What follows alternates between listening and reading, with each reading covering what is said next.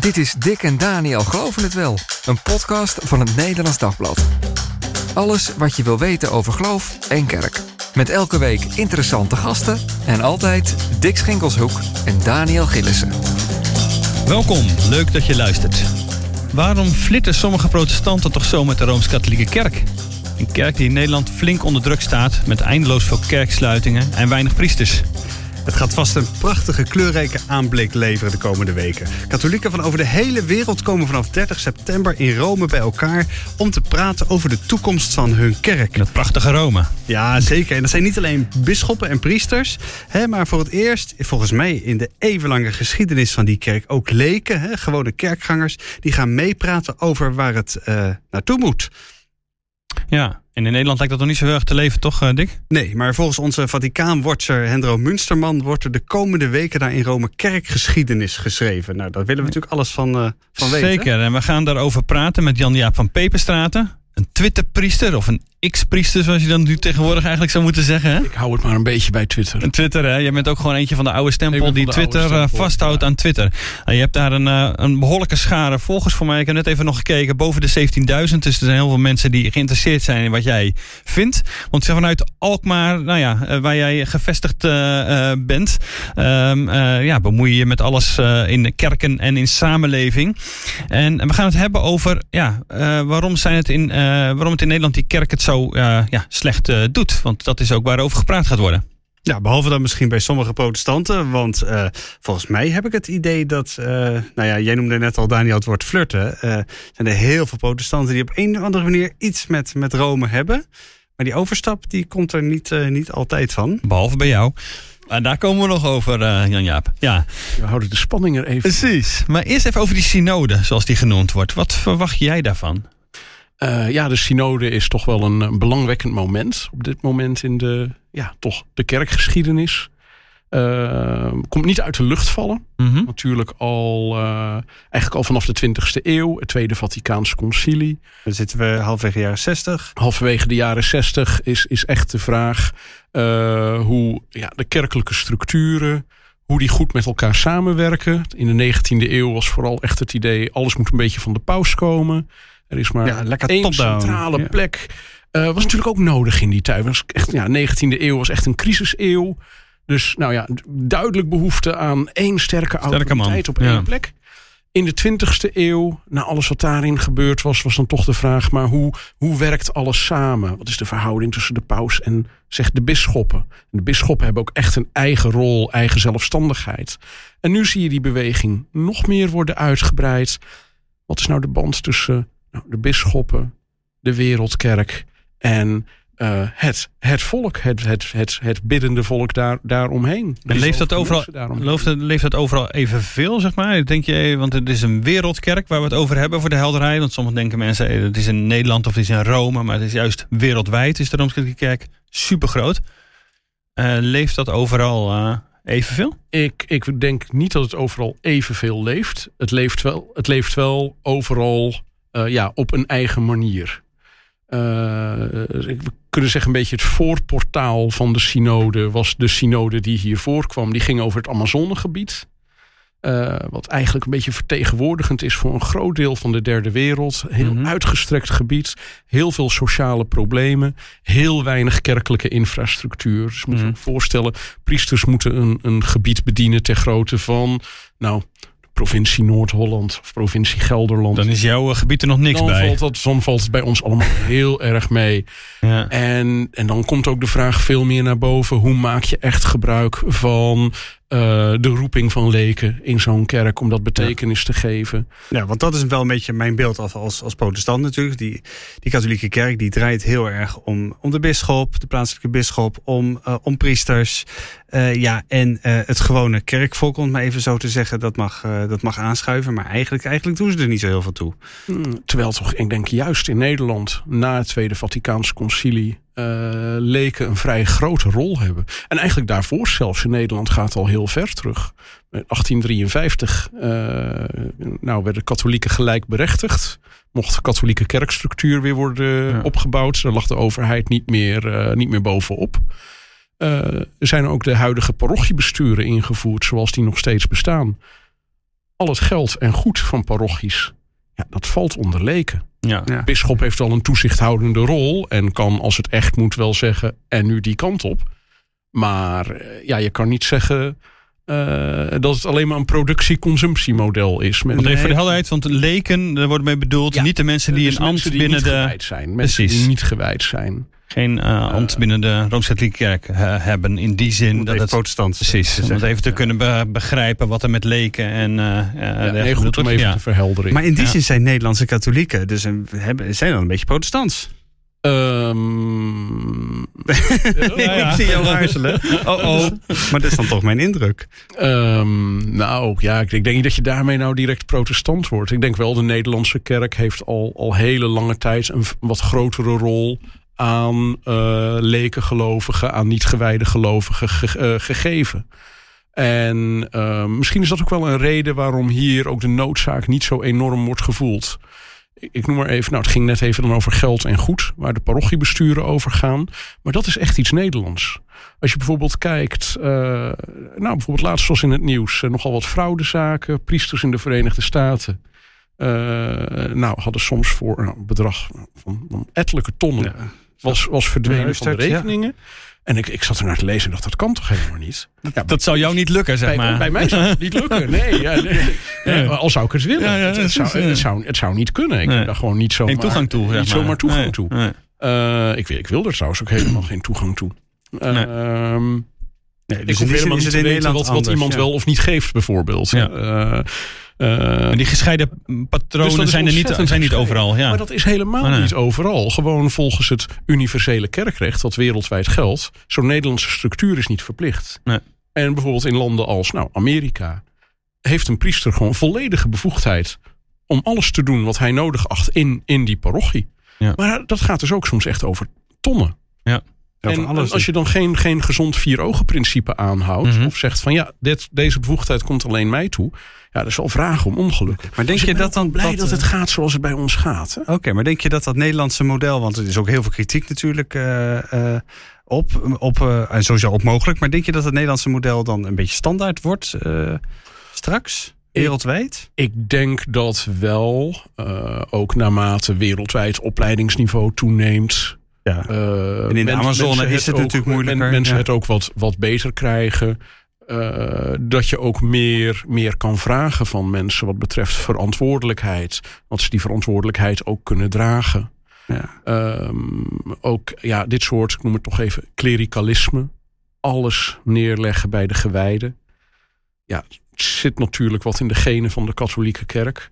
Aan de andere kant, het is ook ontstaan in een tijd dat eigenlijk alleen ja, klerici, alleen, alleen geestelijke, alleen gewijden, eh, ja, eenvoudigweg eh, kennis en capaciteiten hadden. Precies, zeker in, in dorpen natuurlijk de enige En in- waren die dat, in- eh, die dat konden. Ja, en in Europa en in de Verenigde Staten is het natuurlijk al lang niet meer aan, niet, al lang niet meer aan de orde. Nee, precies. Dus daar is wel logisch eigenlijk dat er, dat er wat mee gebeurt. Waarbij het En verbazingwekkend is dat het... wereldwijd ook. Ja, precies. Maar, dat het in de VS zo werkt. Maar even de belangrijke punten daar. Ja, precies, want eh, het gaat meestal, als het over die synode gaat, gaat het meestal om andere dingen. Dan belangrijke over, punten. Maar in elk geval waarover gepraat wordt. Ja, Ja, precies. Bijv- bijvoorbeeld over, eh, worden het straks eh, eh, getrouwde priesters? Mogelijk, mag jij straks trouwen, Jan-Jaap? Ik, ik denk die kans is niet zo groot. Die Nee, waarom is niet? zo groot.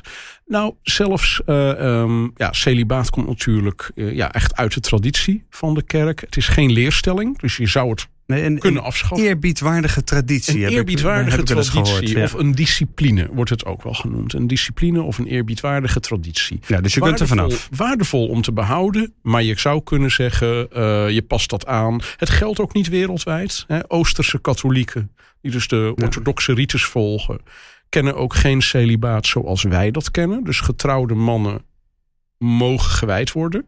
Maar nog fundamenteler was, is altijd de regel geweest na de wijding. Precies. Trouw Dan, eh, meer. nee. Dus ook als vanuit Rome zou worden gezegd van nou, wat in het oosten geldt, nemen wij over. Ik, ik, kan me eigenlijk niet goed voorstellen dat het volledig zou worden afgeschaft. Ik denk dat je naar iets als het Oosterse model zou gaan. Ja, dan ben jij nog niet aan de beurs. Dan ben ik, nog zeker niet aan de beurs. Nee hoor, nee. nee, maar zou het kunnen zijn dat in, in nou ja, het Amazonegebied gaat al vaker over. Hè? Juist omdat daar weinig uh, kerkelijk instituut is. En dat het dus lastiger is om dat allemaal te organiseren met uh, mensen die hier gewijd zijn. Dus de rol daar bijvoorbeeld van mensen die getrouwd zijn. Of misschien zelfs van vrouwen uh, groter kan worden dan bijvoorbeeld dat je dat in West-Europa of in de Verenigde Staten of ja, dus in Nederland is ook niet echt een overvloed aan priesters. Dus dat helemaal waar. Maar, precies, maar dat er nog verschil kan zijn dat niet wereldwijd het allemaal op dezelfde manier gaat. Ik denk dat er wel heel constructief zal worden gekeken naar wat uh, lekengelovigen kunnen bijdragen. Uh, zowel geestelijk als, in, uh, als ook in het bestuur van de kerk. Wat je bijvoorbeeld in Zuid-Amerika al veel ziet. Bijvoorbeeld catecheten. En dat kunnen zowel mannen als vrouwen zijn. Uh, mm -hmm. zeker in Zuid-Amerika hebben echt ja, toch steeds verstrekkendere bevoegdheden voor, de, voor gewoon alledaagse dingen. Bij ontstentenis van een priester. ik denk daar kun, je, daar kun je verder op reflecteren. Uh, het klinkt een beetje protestants, maar het is natuurlijk gewoon bijbels. Het idee van het algemeen priesterschap. Christen zijn vanuit je doopsel brengt ook een verantwoordelijkheid met zich mee. Heel traditioneel denken we dan nog een beetje vanuit een tegenover leken, gelovigen en gewijden. Maar fundamenteel hoor je bij elkaar. Je staat niet tegenover elkaar. Nee, maar wat betekent dat? Wat vind jij daarvan? Als, uh, ik ik denk dat je daar gewoon heel constructief en heel pragmatisch naar, naar moet kijken. Ja. Uh, tijden, tijden veranderen, de wereld verandert. Uh, ik vind wel, ja, je moet wel een soort coherente rode lijn aanhouden. Die je, die je altijd had. Maar uh, Jan Jaap, ik ben niet voor radicale verandering. Maar die, ook, ook, nee, precies. Nee, ik wil zeggen, je zit ook niet bij, bij, een, bij een instituut dat heel erg voor radicale veranderingen is. Maar neem nou even die vrouwelijke priesters. Hoe principieel ligt dat?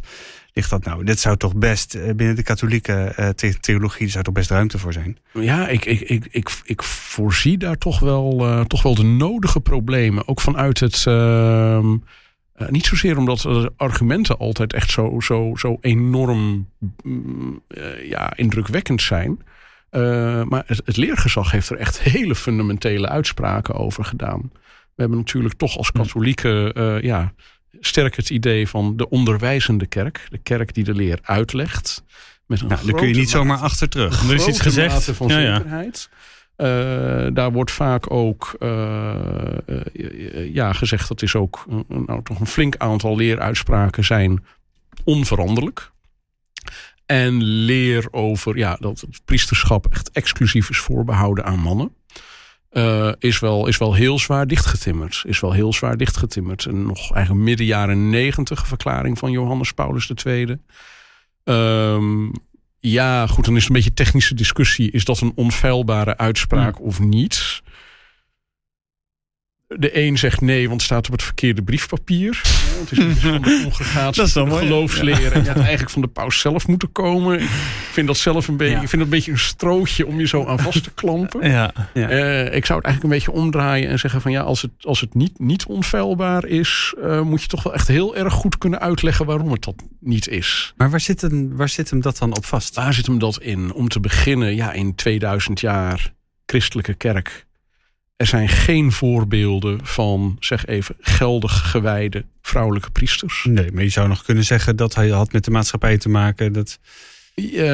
Maar we gaan ook terug naar het voorbeeld van Jezus zelf, die iedereen om zich heen verzamelde. Zowel mannen als vrouwen veel ruimte gaf, voor hen mm. open stond, vrouwen veel verantwoordelijkheid gaf uh, we zeggen ook uh, Maria Magdalene, apostel van de apostelen. Zij verkondigde de verrijzenis aan de apostelen zelf. Maar de keus voor wie er tot apostel werd aangesteld, exclusief mannen. En hoe ver kun je daarachter gaan? En dat is eigenlijk voor de kerk is dat altijd het argument geweest. Dat Jezus zelf voor de apostelen, dus mannen dus echt gekozen, het, bestuursorgaan, uh, altijd mannen heeft gezocht. Dan is er nog discussie over diakens. Mm diakens zijn, zijn later door de kerk aangesteld. Mannen, waarschijnlijk ook vrouwen. een beetje discussie of je die ook al in het Nieuwe Test... Uh, Febe, de, Precies, ja. Febe de, de diaken of diakones. Maar ja, wat, wat is daar dan het verschil van? Exegetisch, dat ligt nogal, ligt nogal open. Die hebben waarschijnlijk wel bestaan. En dan is de vraag, is, de vraag zou zijn of je die, die orde van diakens voor vrouwen weer zou kunnen of moeten herstellen. Ja, want even voor de, voor de goede orde, voor de protestanten die luisteren. Een diaken in de protestantse traditie is iets anders ja. dan uh, in de katholieke uh, uh, traditie. Ja, in de protestantse traditie is het iemand die, die vooral voor de, even met heel gemakshalve gezegd, voor de armenzorg verantwoordelijk Ja. is. En dat is, dat is bij jullie niet zo. nou, er zit wel een parallel. Dus armenzorg zit daar ook in. Dat is het wel van oorsprong. het is een wijding. De diakenwijding is een, is een katholieke wijding. Je bent een soort priester light. Um, uh, soms, som, het is een, hij staat op zichzelf. Je kan diaken zijn som, zonder dat je daarna priester wordt gewijd. Maar precies, maar er zit daar zit bijvoorbeeld niet de celibaat en dergelijke aan vast. Um, voor de, voor soms, de soms wel. Je kan celibatair diaken ja, maar, zijn. Precies, maar dat is niet een verplichting zoals nee. bij, bij priesterschap is. Getrouwde mannen kunnen, kunnen ook diaken gewijd Ja, worden. ja. Permanente diakens heet dat zijn, zijn meestal getrouwd. Maar ben je ongetrouwd, dan uh, blijf je celibatair. Na de wijding wordt Ah, je ja. niet meer getrouwd. Ook daar is dan weer de regel. Ja. Uh, ja, men uh, is ook wel echt gewijd voor de liturgie. Dus ja, de diaken nou, leest het evangelie voor in de mis. Een Hmm. diaken kan preken. Diaken, Ja, precies. Doet andere dingen dan in de heeft, heeft wel een volledige pastorale opleiding. Ja. Uh, veel Ja. ziekenbezoek zit, Ja. zit daarbij onder andere. Vandaar die priester light even die er Eh, voorbij kwam, eh, zeg maar. Het is niet helemaal de terminologie die jij zou Nee, eh, gebruiken, nee, nee, maar het staat voor wel, het... het staat wel echt op zichzelf. Het staat wel, Mijn pastoraat is ook echt begonnen met mijn diakenwijding. ja. Ik ben een half jaar voor mijn priesterwijding diaken gewijd. Het idee is dan een beetje dat je dan, nou zeg even een half jaar tot een jaar stage loopt. Maar ja, er is in de praktijk niks van te Moet je, moet je gewoon aan de slag, er is genoeg te doen. Het was Ja. gelijk het diepe in. Ja. Dus ik tel ook echt eh, mijn, mijn diakenwijding echt als het begin van mijn pastoraat. Maar Even als, als la- toch nog even heel duidelijk. Je ziet het dus niet gebeuren. Vrouwelijke priesters zie je niet gebeuren. Eh, getrouwde priesters ehm, zou misschien in, de bepaalde toekomst? uitzondering in de toekomst kunnen. Maar dan wel volgens de manier zoals in, eh, ja, in het oosten gaat, zou ik maar zeggen. ja, of de manier die nu geldt voor Maar wat, Ja, maar wat verwacht je dan dat hier verder concreet voor, voor kerkgangers merkbaar uitkomt? Ik denk wat er nu in, eh, wat er nu in Rome gebeurt, is onderdeel van, ja, ik zeg even een cultuurverandering. Oké. Ehm, eh, ja, toch een, een kerk die het iets meer zoekt in het horizontale dan in het verticale. Eh, dus minder, minder top-down, meer gedecentraliseerd en meer, meer met iedereen. maar je moet daar niet dus meteen ook allerlei dat niet- concrete dat veranderingen van verwachten. Ja, Als lid van een parochie ga je niet meteen eh, daar verschil van merken Ik volgend jaar. vermoed ik eigenlijk niet. Dat, en dat, dat kan ook een reden zijn waarom het, heb ik het gevoel, in Nederlandse parochies, enkele uitzonderingen daar gelaten, ook niet enorm leeft. Het, is een, het wordt een beetje toch gevoeld als ver, ver van mijn bedshow. Komt dat door de bisschoppen, wordt ook al gezegd. Ja, die geven er veel te weinig aandacht aan. Die houden er eigenlijk helemaal niet van, van de ontwikkeling die er eh, nu gaande is. Mm, voor sommige bisschoppen zal dat zeker gelden. Al heb ik niet direct het idee dat dat in Nederland het geval is. In Amerika speelt dat wel. Het vrij gepolariseerd. Ja, alles, alles in Amerika is wat gepolariseerd. dus ook de kerk Dus gaat dat niet dit- voorbij. De kerk gaat daar zeker niet aan voorbij. En dat is een groot probleem. Maar een beetje een ander onderwerp. Ja. Ehm, ook sommige eh, ja, internationaal kerkelijke media ja, zijn ook verwachtingen, verwachtingen voor of verwachtingen tegen heel erg aan het oppompen. Eh, ook weer vaak Amerikaanse kerkelijke pers. Dus of utopische vergezichten, de vrouwelijke priester staat om de hoek. Het kan nu elke week besloten worden. Of de dystopische Nee. verwachting, oh, de, de ketterij grijpt nu om zich heen in Rome, tenzij wij heel erg hard actie Maar datzelfde, datzelfde zien we in, een- in eh, buurland Duitsland. Hebben we dat zien, zien ja, gebeuren. ja, Duitsland is wel, wel weer een beetje een, eh, een geval apart. Zondergang zou men kunnen zeggen in, eh, in goed, eh, goed Duits. Duitsland had een eigen synodale weg. Die eigenlijk wat los stond van eh, het officiële zoals dat door Ja, de. Ja, want even, dit heeft weer, dit, want dit gaat weer verder nog een beetje dieper het verhaal in. Want het heeft natuurlijk een voorgeschiedenis. Deze synode komt niet, dit heeft al een paar jaar, is daar voorwerk gedaan Ja. in, in landen zelf. En daarvan zeg ik, dat is die synodale weg. Die leidt eigenlijk een beetje toe naar die synode in Rome dan nu. Ja. En in Duitsland hebben ze dat eh, op een wat andere manier aangepakt Ja, dan... zo eh, zou je dat wel kunnen zeggen. Ja, Nou, ja. die waren gewoon wat, ja, wat, verder of wat opener. Of wat, ja, verder wat mag meer je lef? misschien niet zeggen. wat meer lef? Eh, ja. Ja, wat minder grenzen, zullen we, zullen we zeggen. En volgens sommigen is dan, en ook een beetje volgens mezelf, is toch ook wel wat buiten, dan buiten de lijntjes gekleurd. Want gaan zij andere dingen doen, denk je dan even, even kort nog, gaan ze in Duitsland andere dingen doen, denk je, dan, uh, dan, uh, dan wereldwijd? Nou, ik denk dat ze in Duitsland wel andere dingen willen doen. Uh, een, in Duitsland ja, ja, tekende zich toch een hele duidelijke meerderheid af voor een vrij, zeg even, radicaal hervormingsprogramma, inclusief uh, openstelling van de wijdingen voor vrouwen, openstelling van het kerkelijk huwelijk. Um, ja, wat, oh, bedoel je met openstelling van het kerkelijk huwelijk? Uh, dus, dus ook ja, ho het homohuwelijk. Om, om ja.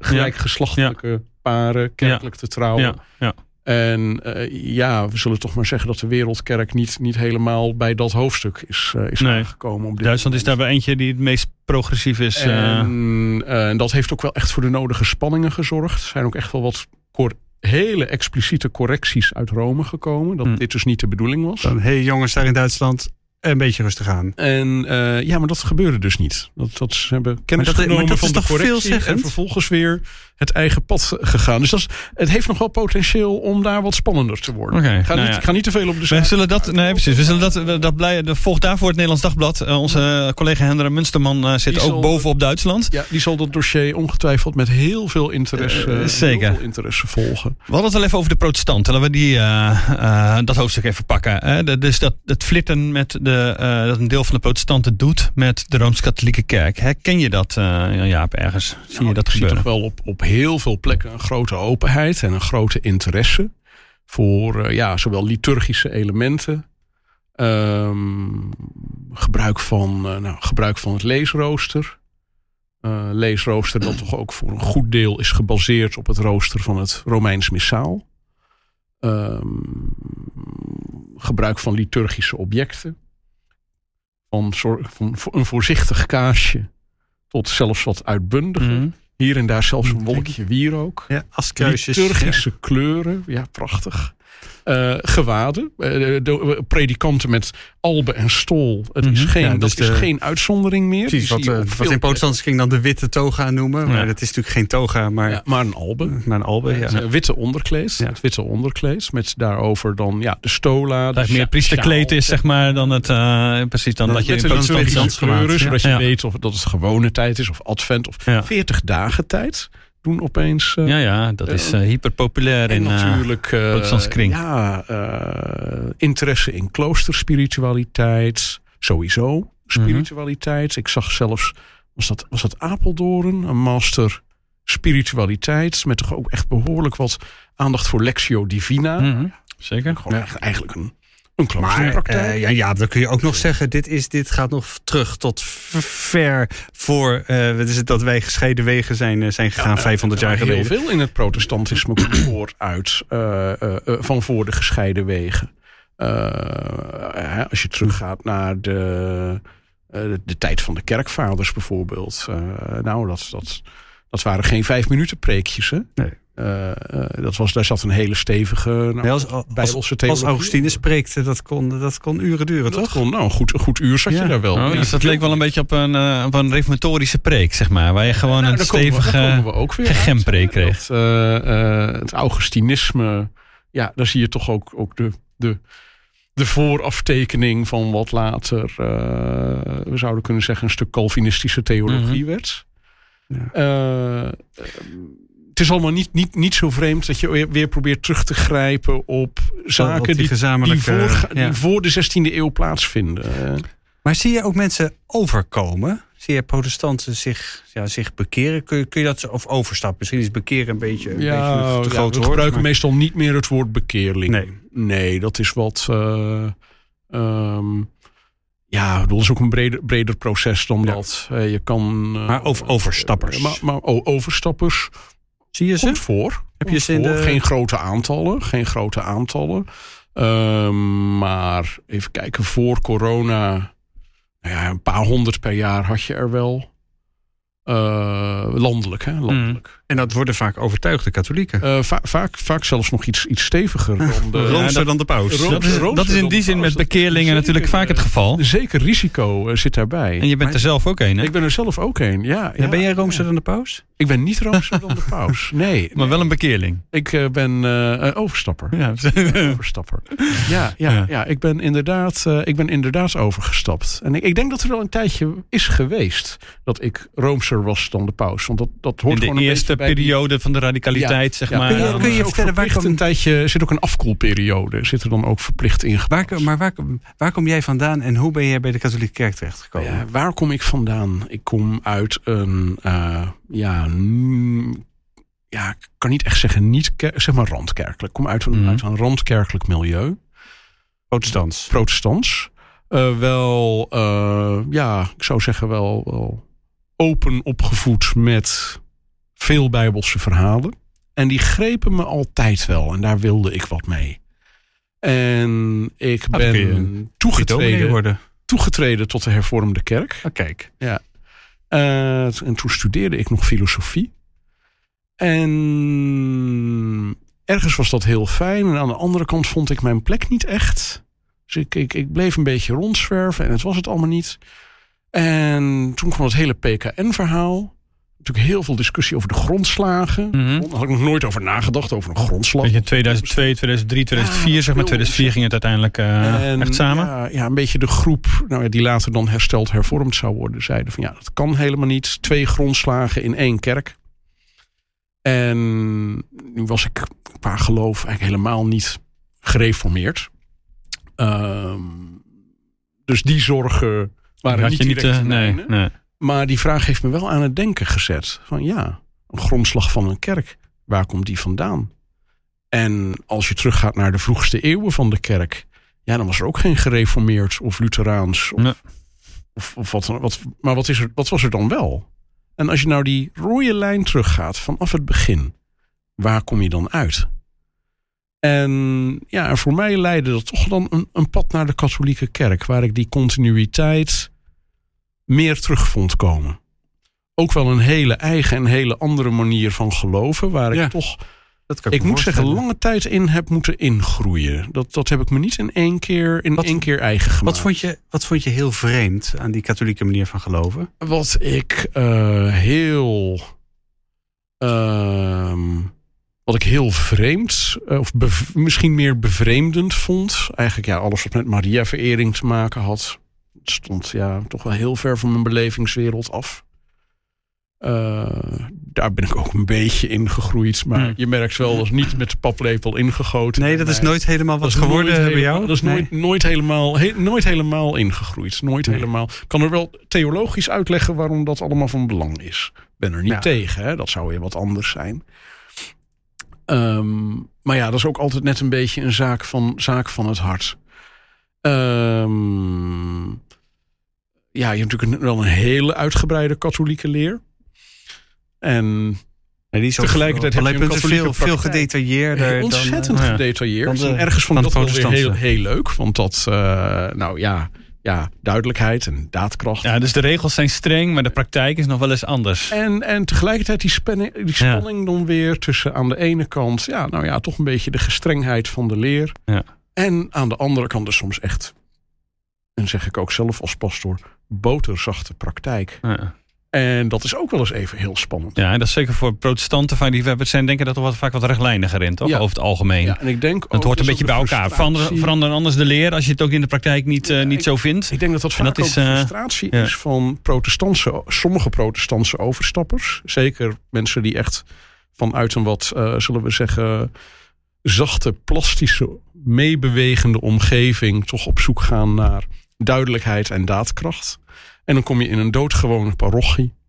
En dan is het nog zachter dan, in jouw protestantse gemeente. Kan het nog zachter zijn dan in de gemeente die je zojuist ja, ontvlucht had. En, en ja, dat zijn dan soms ook de mensen die echt vluchten naar nou ja, traditionalistische gemeenschappen. Ja, dat zie ik ook wel. In Amsterdam bijvoorbeeld, dat natuurlijk best wel aantrekkingskracht heeft, die hele traditionele absoluut. parochies. ik vond dat vroeger. Uh, ja. ik, ik, ja, wat heb jij zo'n fase ook gehad? Dat raakte mij ook wel. Ik vond, het, wel, ik vond het niet onaantrekkelijk. Het is niks voor mij. Maar ik snap de aantrekkingskracht wel. Waarom is het niks voor jou uiteindelijk? Ik geloof niet. Ik heb ook echt ja, toch al een aantal theologische bezwaren tegen. Vooral vanuit het idee, ja, je bent geroepen om in deze tijd te zijn. En je bent niet geroepen om je, je haar weer te gaan kammen zoals in de jaren 50. En een pak aan te trekken zoals in de jaren 50. Nee, dat komt er ook bij Geloof in deze tijd ja, niet in de jaren naar een parochie te gaan waar men de mis viert zoals in de jaren 50. En dan geeft de pater jou een hele stevige preek, vuist op tafel over de gevaren van het communisme. En, en dan ga je ongetwijfeld gesticht weer naar buiten.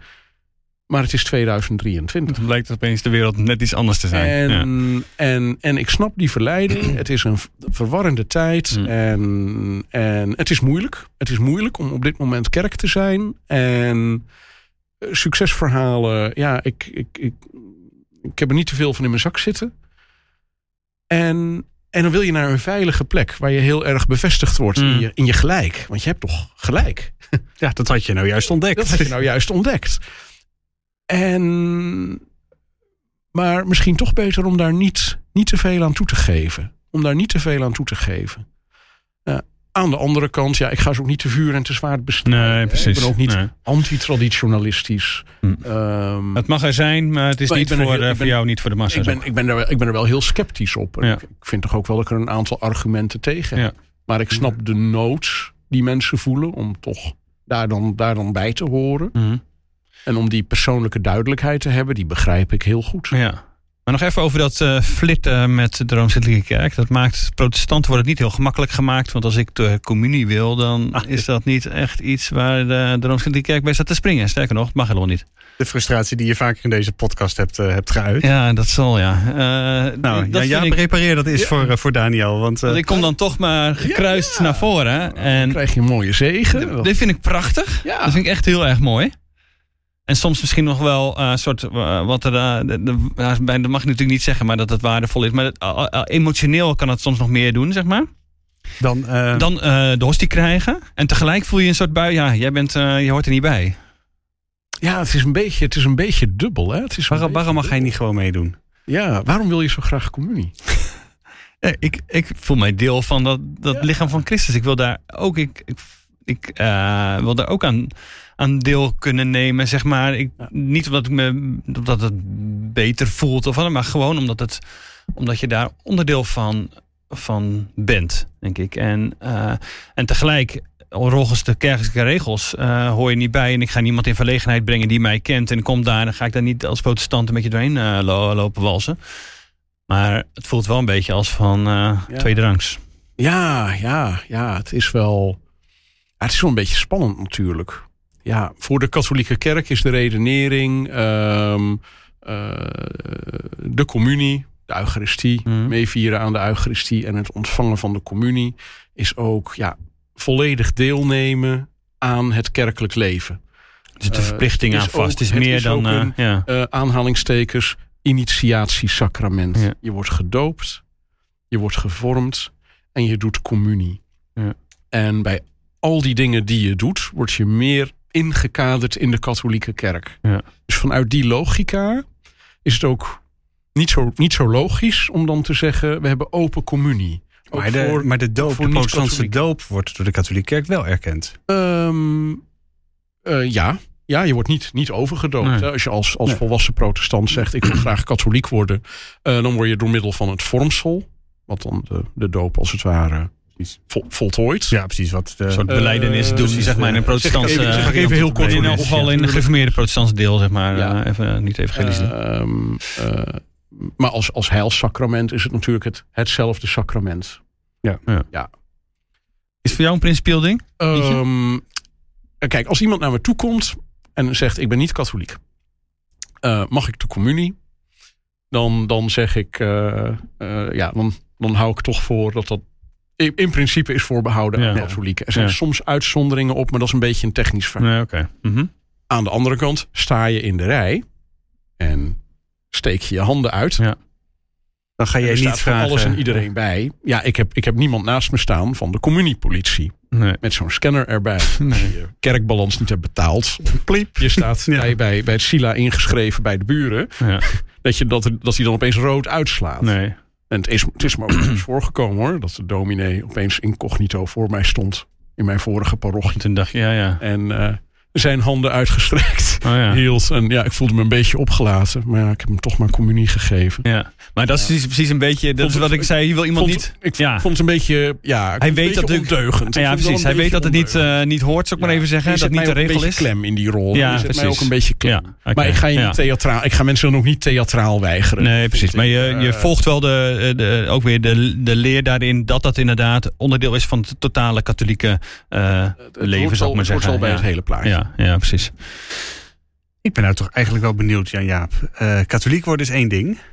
Maar dan, je bent volgens ook nog priester geworden. Ja. En dat betekent nogal wat. Dus even iets meer, iets meer dan, uh, dan, dan een protestantse jongen die dominee wordt. Uh, ja, ja, ja, ik sta er soms ook wel eens van te kijken. Echt? Dat je 's ochtends wakker wordt en denkt, hoe is dit nou weer gebeurd? dat ja. heb je nog steeds? Uh, soms nog wel. Ja, niet elke dag hoor. hoeveel, hoeveel jaar ben je nu priester? Ik ben, even kijken, ik zeg dat wordt acht, komend jaar acht jaar. Dus zeg even 7,5 jaar. Mm -hmm. Dit najaar is het acht jaar sinds mijn diakenwijding. Ik tel altijd ja. een beetje vanaf mijn ja, en, dus, ja. en tussen je diakenwijding en het, en het jaar dat je katholiek werd, zat, zat, zat ook weer een paar jaar. Ja, ja, ja. Ik, tussen dat ik katholiek geworden ben en begonnen ben aan de opleiding, zat vijf jaar. Het kerkrecht vereist uh, drie jaar absoluut minimum afkoelperiode. Ja, ja. Je kan niet zo uh, meteen uh, doorstromen. Dat is ja, heel precies. verstandig. Ja, ik heb het wel eens meegemaakt op de opleiding. Ook zo'n jongen die, nou ja, het zou en het moest allemaal direct. En kennelijk is hij er dan toch even door, doorheen gewuifd. Ja.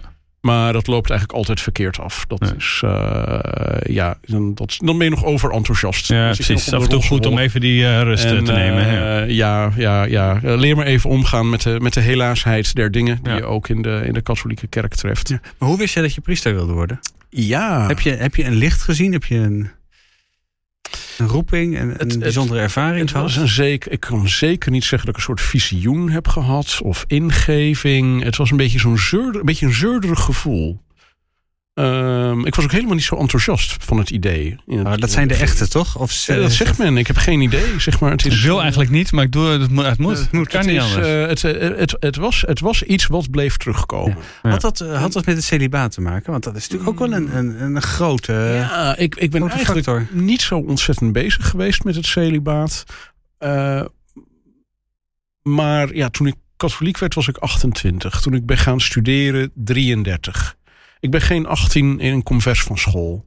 Omdat je hele leven. en je, had ook, je zat niet in een lange relatie. Nee, eh, nee, nee, nee, helemaal niet.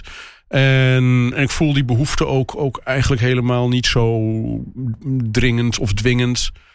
Eh, dus ik had die openheid ook. Ik had die openheid ook om te zeggen van goed, oké, als dit is waar ik telkens bij terug blijf komen. Ja, en je, hoeft, die je hoeft het niet uit te dit- maken met iemand. Is dit eh, iets, en je hoeft niet uit te maken met, Nee. met, met iemand. Ja, die verhalen zijn Ja. nou ja, onder andere misschien, misschien van de paus, wie weet. Ik, eh, ik denk dat zou wel een heel ingewikkeld gesprek worden als je dat moet voeren. ja. Eh, schat, ik ga even zitten. Ik moet je wat vertellen. Ik word er niet verder, want ik word priester. Ja. ja, ja, Of dat wil ik. ja, ja, ja. maar dat had je dus allemaal niet. Nee, nee, nee, nee. Dat is me allemaal bespaard gebleven. Dat is me allemaal bespaard gebleven. Eh, dus ik had ook wel de ruimte om dat, om dat aan te gaan. Ja. Ik had ook wel de ruimte om dat aan te gaan. Ehm, wel het idee op een gegeven moment, ik moet hier wat mee.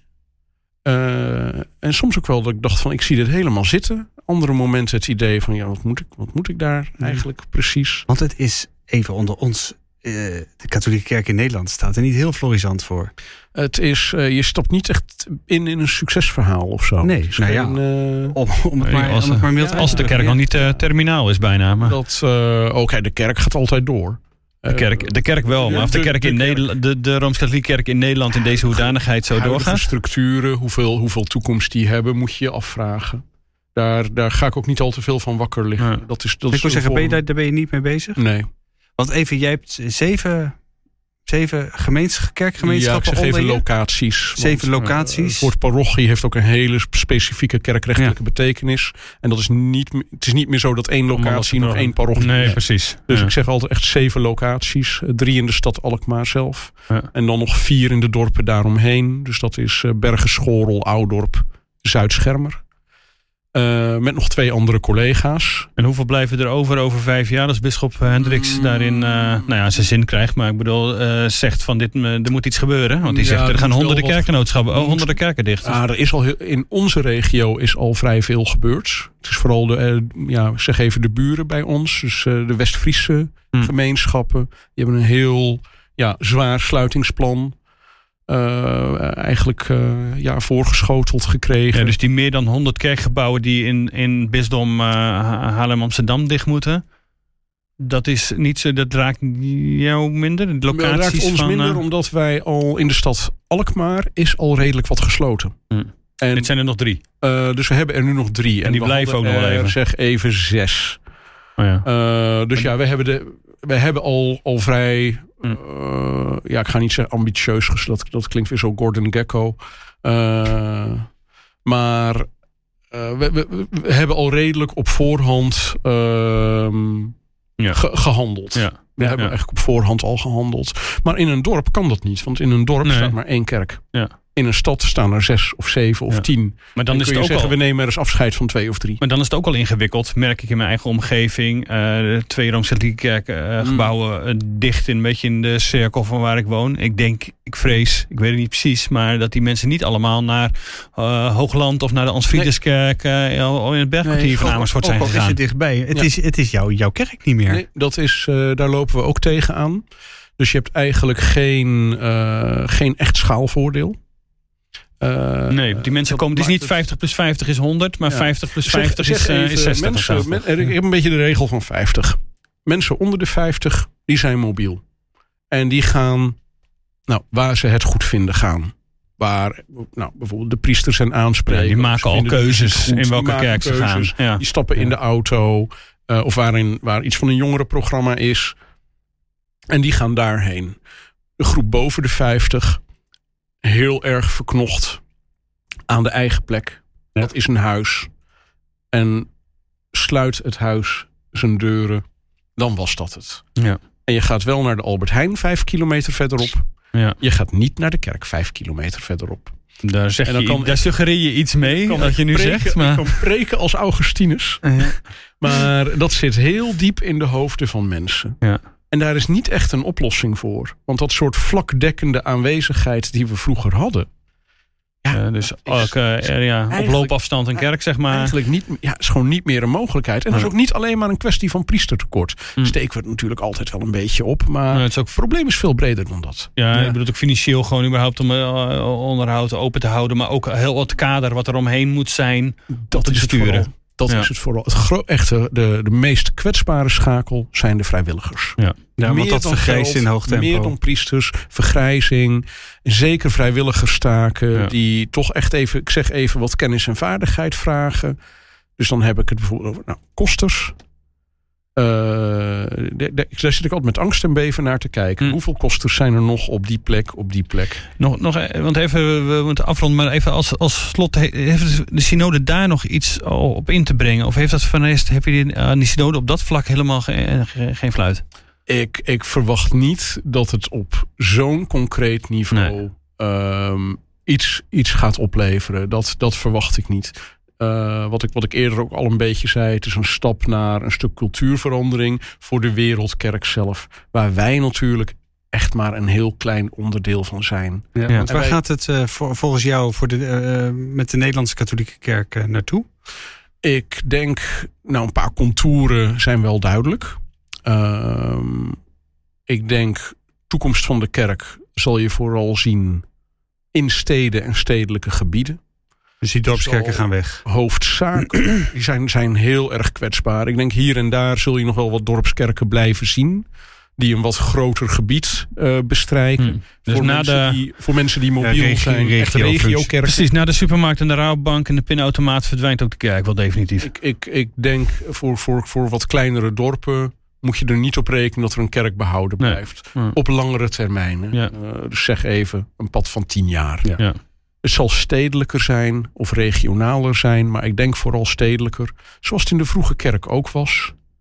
Veel gedragen door migrantengemeenschappen en expats. En gemengde gezinnen. Dat zie je nu al bij vorm, eh, kinderen die vormsel doen, kinderen die eerste communie doen. Nou, twee derde tot drie kwart is uit het buitenland afkomstig. Uh, Echt. Daar wordt het geloof nog gevonden, zou ik maar zeggen.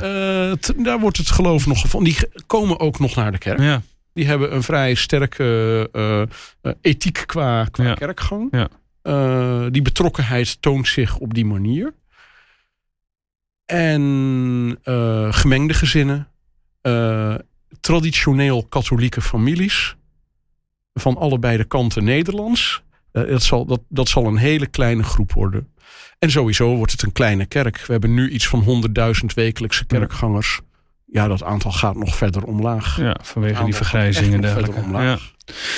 En dat wordt, dat wordt spannend. Ja. Dat wordt spannend. En maar daar vind ik toch gaat door. Gaat ja. door. Ik wou zeggen, want ik, je, zit er, je, je vertelt een vrij mond daarover. Ja. Dat... Nou, ja, nee, maar als ik, als ik alleen maar naar staartjes ga kijken. En mezelf ga vastklampen aan dingen die er misschien nu nog zijn, maar over tien jaar niet meer. Ontneem ik mezelf de vreugde en de energie om nu, op dit moment, betekenisvolle dingen te doen. Kijk. En om mond te blijven en op de hoogte te blijven, volgt dan die Rooms-Katholieke eh, nieuwsbrief waar we het al over, uh, die hebben we nog niet over gehad, maar waar we het wel over zouden moeten hebben. Want op nd.nl slash nieuwsbrieven kun je aanmelden voor de nieuwsbrief van Hendro Munsterman. Over hem hebben we het al wel gehad. Hij volgt de Rooms-Katholieke Kerk echt op de voet. Ook samen met collega's uh, van ons, Dick. En ja, die helpen je verder. Dus ND Katholiek, daar moet je zijn voor al het overzicht van het katholieke nieuws, zowel in Nederland als, uh, als wereldwijd. Als het gaat om die synode gaat, zul je daar ook uh, alles vinden. Uh, Hendro zit in Rome, dus is daarbij. En nou ja, ik denk dat het de plek is in Nederland waar je het beste het katholieke nieuws kunt volgen. Ja, en voor nu bedankt voor het luisteren. Zeker. Jan-Jaap, dankjewel dat je hier was. En dat je ons hebt meegenomen, zowel wereldwijd als in Nederland. En jou ook jouw eigen weg daarin. We hebben veel besproken in deze, deze podcast. was mooi. Dankjewel voor het luisteren en tot volgende week. Tot dan.